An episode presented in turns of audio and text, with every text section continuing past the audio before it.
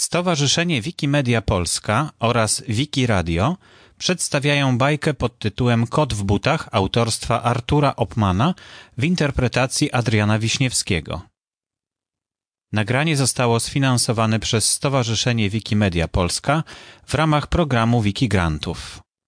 Tekst utworu znajduje się w domenie publicznej w Wiki źródłach. Or-Ot, Artur Opman, Kot w butach. Żył raz sobie stary młynarz, jak gołąbek siwiuteńki. Miał drewniany młyn nad rzeką i domeczek miał maleńki. Raz zaniemógł ciężko młynarz i do łóżka się położył. Czas już przyszedł na staruszka, by swe kości w ziemi złożył. Więc zawołał trzech swych synów i podzielił swoje mienie. Syn najstarszy dom wziął z sadem, kędy dźwięczy ptaszków pienie i młyn stary na pagórku, by jak ojciec meł w nim ziarno i utrzymał dom ojcowski swoją dłonią gospodarną. A syn średni dostał osła, pracowite silne zwierzę, co ogromne wory mąki na wytrwały grzbiet swój bierze. Dobry burek zje byle co, a przy pracy mu pomoże. Będzie osieł dla młynarza z całej wioski zwozić zboże. A najmłodszy, Jaś Nieboże, to prawdziwy już sierota. Nic dla niego nie zostało, prócz białego mruczka, kota. Kot ten mądre miał wejrzenie. Jak nóż ostre miał pazurki i od dawna łowił w młynie psotne myszki, szkodne szczurki. Weź mój Janku tego mruczka, Stary młynarz rzekł do syna. Niechże on ci po mym zgonie twego ojca przypomina. Nic ci więcej dać nie mogę, bo nic nie mam do rozdania. Ale synu, miej otuchę i miej w smutku moc wytrwania. Wszystko dobrze jeszcze będzie, Bóg ci dobry dopomoże. Tylko zawsze, miły Janku, w miłosierdzie ufaj Boże. To wyrzekłszy młynarz stary zbladł, po licach łza się toczy, na swych synów spojrzał czule i na zawsze zamknął oczy. Zapłakali trzej synowie i niezmiernie się zmartwili. Umarłemu swemu ojcu piękny pogrzeb wyprawili. Potem wszystko w domku, w młynie, swoim trybem poszło dalej, bo syn starszy i syn średni znów do pracy się zabrali. A najmłodszy, biedny Janek, dziś sierota bez opieki, tak pomyślał. Pójdę sobie szukać szczęścia w świat daleki. Nic tu w domu nie wysiedzę. Może szczęście znajdę w świecie. Trzeba przecie być odważnym, przedsiębiorczym trzeba być przecie. Więc pożegnał się z rodzeństwem, wziął na ręce swego kota i wędruje do miasteczka, zamyślony jaś sierota. Słonko mocno wygrzewało, upał nie do wytrzymania. Więc pod drzewem usiadł Janek i zabrał się do śniadania. Bochen chleba, kawał sera znikły prędko, w chwilkę małą. Z niewybrednej uczty owej i mruczkowi się dostało. A gdy podjadł już sierota, to zadumał się żałośnie, że się musi tułać w świecie w samej życia swego wiośnie. Łzy pociekły mu rzęsiste, a wtem łapką ktoś go trąca. To był kotek, co przed chwilą grzał się obok w blaskach słońca. Przyszedł blisko do sieroty, znów go w nogę trącił nosem i spogląda tak rozumnie i przemawia ludzkim głosem.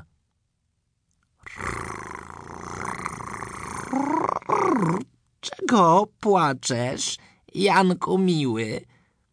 Toć masz zdrowie, młodość, siły. Może szczęście czeka na cię i bogactwa, Janku miły. Nic się nie martw, nie narzekaj i miej zawsze w przyszłość wiarę. Tylko dla mnie kup w miasteczku z żółtej skóry butów parę. kup mi także worek duży, rzemykami związywany, a ja ciebie, drogi Janku, zaprowadzę między pany. Zdumiał Janek na te słowa. Pierwszy słyszy, że kot gada. Ale myśli, do spełnienia niezbyt trudna jego rada. Kupię buty, co mi szkodzi. Kupię także worek duży. W mej wędrówce i tułactwie może mi się kot przysłuży. Poszedł zaraz do miasteczka i do szewca prosto zmierza. Szewc wyciąga różne buty i pasuje i przymierza. Wreszcie wybrał śliczną parę wielkich butów z ostrogami. Były żółte jak cytryna i z pięknymi chwaścikami. Janek kupił jeszcze worek i szabelkę z ostrej stali. W takim stroju mógłby mruczek na królewskiej stanąć sali. Gdy się ubrał kot uczony, do sieroty tak powiada. Ty się prześpij w tym gaiku, a mnie w drogę iść wypada. Zrobię wielkie polowanie w tym zielonym, bliskim lesie, a zwierzyna, którą złowię, pewnie szczęście nam przyniesie. Jaś położył się na trawie i wnet usnął ze zmęczenia, a kot idzie na wyprawę, wielce z swego rad odzienia. Zaczaił się w gęstym borze za grubego dębu pniakiem, a tu sobie po cichutku biegnie szarak za szarakiem. Kot wyskoczył jednym susem, cap, zajączka, cap, drugiego. Obu zdusił prędziuteńko i do worka wsadził swego. Znów się schował, znowu czeka, a tu gąski idą tłuste, co na obiad w szczerem polu jadły owies i kapustę.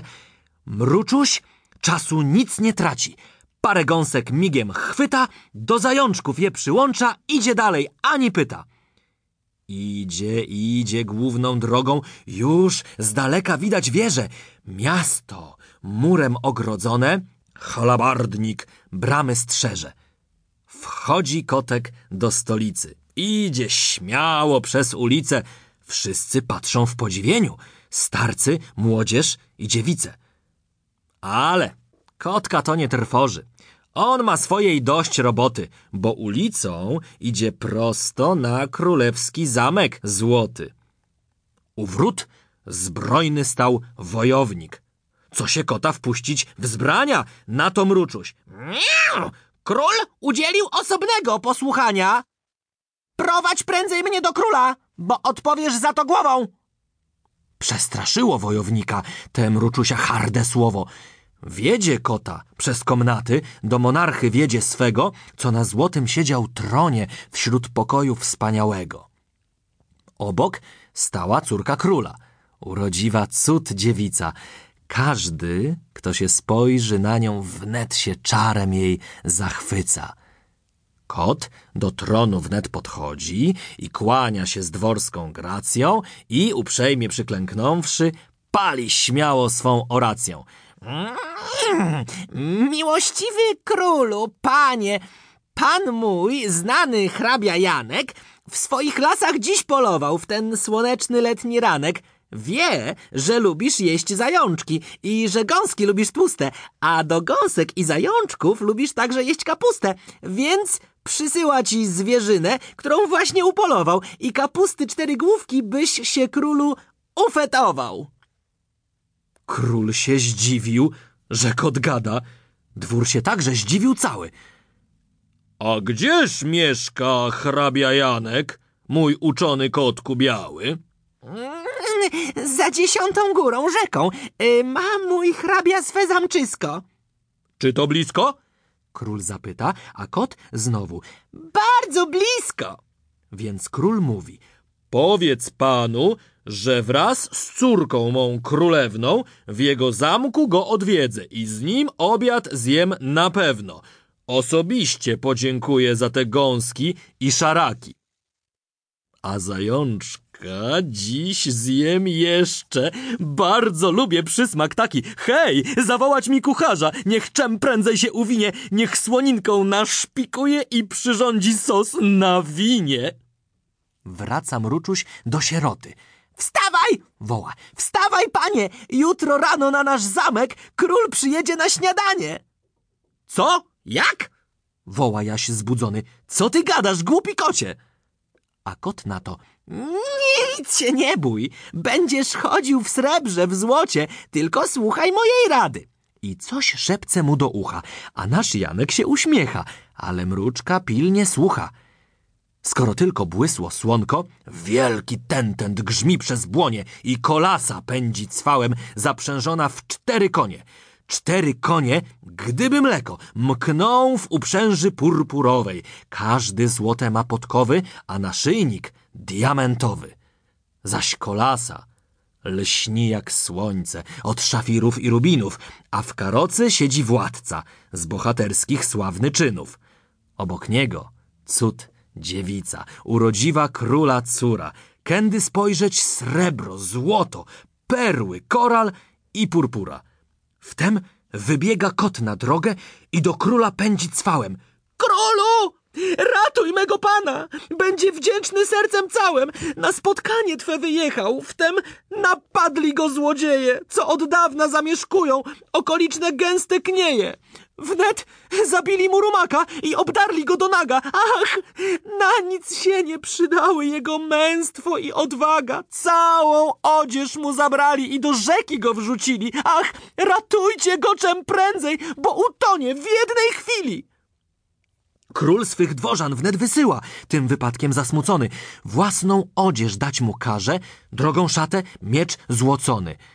A gdy przebrał się już Janek wśród dworaków grzecznej Rzeszy, wyglądając jak książątko, do monarchy zaraz śpieszy.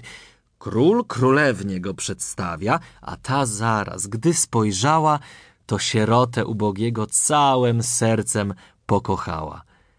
Król do siebie go zaprasza i w kolasie usiąść każe i przygląda się z uśmiechem urodziwej młodej parze. A tymczasem kot uczony w prędkich susach biegnie przodem, tak na jaką prawie wiorstę przed królewskim korowodem i natrafił na kosiarzy, co kosili właśnie siano, więc przemawia do nich groźnie. Miau! Posłuchajcie, co kazano! Król tak żąda, gdy kto spyta, czyje wokół są te łąki, czyje owce i te krowy, których z dala słychać dzwonki, odpowiedzcie wszyscy razem. To rzecz przecie dobrze znana. Wszystkie łąki dookoła to jest własność hrabi Jana. Gdy kto tego nie usłucha i inaczej komu powie, tego schwytać król rozkaże i wnet odda go katowi. Potem znowu pędzi dalej, aż natrafił na żniwiarza i ów rozkaz wymyślony grubym głosem znów powtarza. Król nadjeżdża do kosiarzy. A czyje to? Wszak rzecz znana, zaraz chłopi odpowiedzą, że to wszystko hrabijana. Śliczne łąki masz, mój hrabio, pewnie sute masz z nich zyski. A wtem znowu król spostrzega pól szumiących obszar bliski. Czyjeż pola te? zapyta, a żniwiarze to rzecz znana, że jak okiem tylko sięgnąć, wszystko wokół hrabi Jana. Ho, mój hrabio, rzeknie władca, to masz, widzę, powiat cały.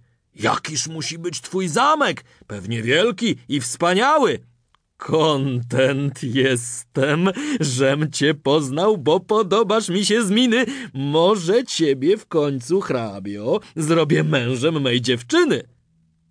A tymczasem mądry kotek znów Jankowi z oczu znika i ochoczo galopuje wprost na zamek czarownika. Ten czarownik, olbrzym, straszny, siedział właśnie na podwórzu, kiedy przed nim stanął mruczek w swym odzieniu pełnym kurzu. Witam, witam waszą miłość. Rzeknie kotek bardzo grzecznie, bo to zacząć z takim zbójem nie tak bardzo jest bezpiecznie. Czy to prawda? Ciągnie dalej. Czy też tylko plotka taka, że się wać pan możesz zmienić w lwa, tygrysa lub szczupaka? Czy to prawda? Olbrzym wrzaśnie. Czekaj, zaraz ci pokażę. I wymówił zaklęć słowo, pijąc wino, co jest w czarze. Ledwo wypił owo wino, w lwa wielkiego się zamienia.